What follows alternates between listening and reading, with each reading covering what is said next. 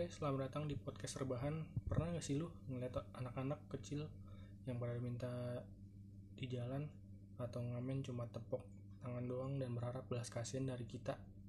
Apa mereka ini nggak punya orang tua gitu untuk ngasih jajan sampai mereka tuh ngemis belas kasihan ke orang biar dikasih uang?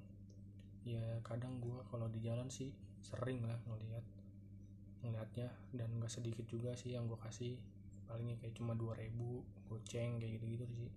Nggak banyak. Ya karena kasihan aja gue ngeliat ya. Hitung-hitung buat jajan mereka juga. Tapi pembahasannya tuh orang tua mereka ke mana sampai ngizinin anak-anaknya buat ke jalan raya? Yang banyak kendaraan belum lagi polusinya. Kan gak baik buat kesehatan. Apalagi buat anak-anak kecil yang imunnya belum begitu kuat. Jadi gampang sakit juga. Ya jadi gimana gitu kan? Kasihan juga dan gue kan tinggal di Jakarta Selatan ya. Dan banyak banget anak-anak kecil yang nongkrong di lampu merah. Apalagi dekat blok M itu banyak banget. Nggak cuma anak kecil kadang orang dewasa juga ada. Tapi poin gue di sini adalah kalau kalian para orang tua kalau sekiranya nggak sanggup buat ngasih kebutuhan anaknya kalian gak usah lah punya anak banyak-banyak.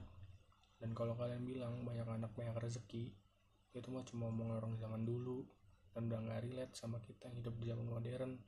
Yang semua serba mahal pendidikan mahal kesehatan mahal makan mahal kontrakan juga mahal. Semuanya lah serba mahal. Dan oleh sebab dan oleh sebab itulah pemerintah membuat program dua anak aja cukup.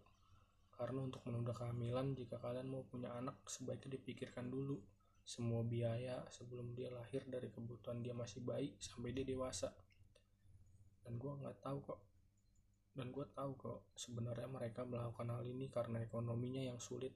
Jadi mereka terpaksa memberikan anak mereka untuk ikut cari uang di jalan walaupun itu belum cukup umur. Dan yang pastinya sih emang ini masuknya juga eksploitasi anak ya.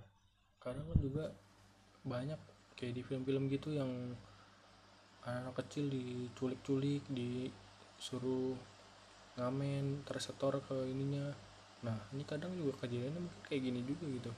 Mungkin semua itu cerita-cerita itu ada ya mungkin karena banyak di sekitar kita tuh yang kayak gini. Anak-anak kecil gitu kan coba pikir mana ada sih orang tua yang mau kayak gitu anaknya? Buat apa kata jadi mesin uang buat keluarga. Apalagi itu masih kecil-kecil lagi kan. Aduh. Oke, jadi segitu dulu pembahasan gue kali ini. Sampai ketemu di episode berikutnya. Bye.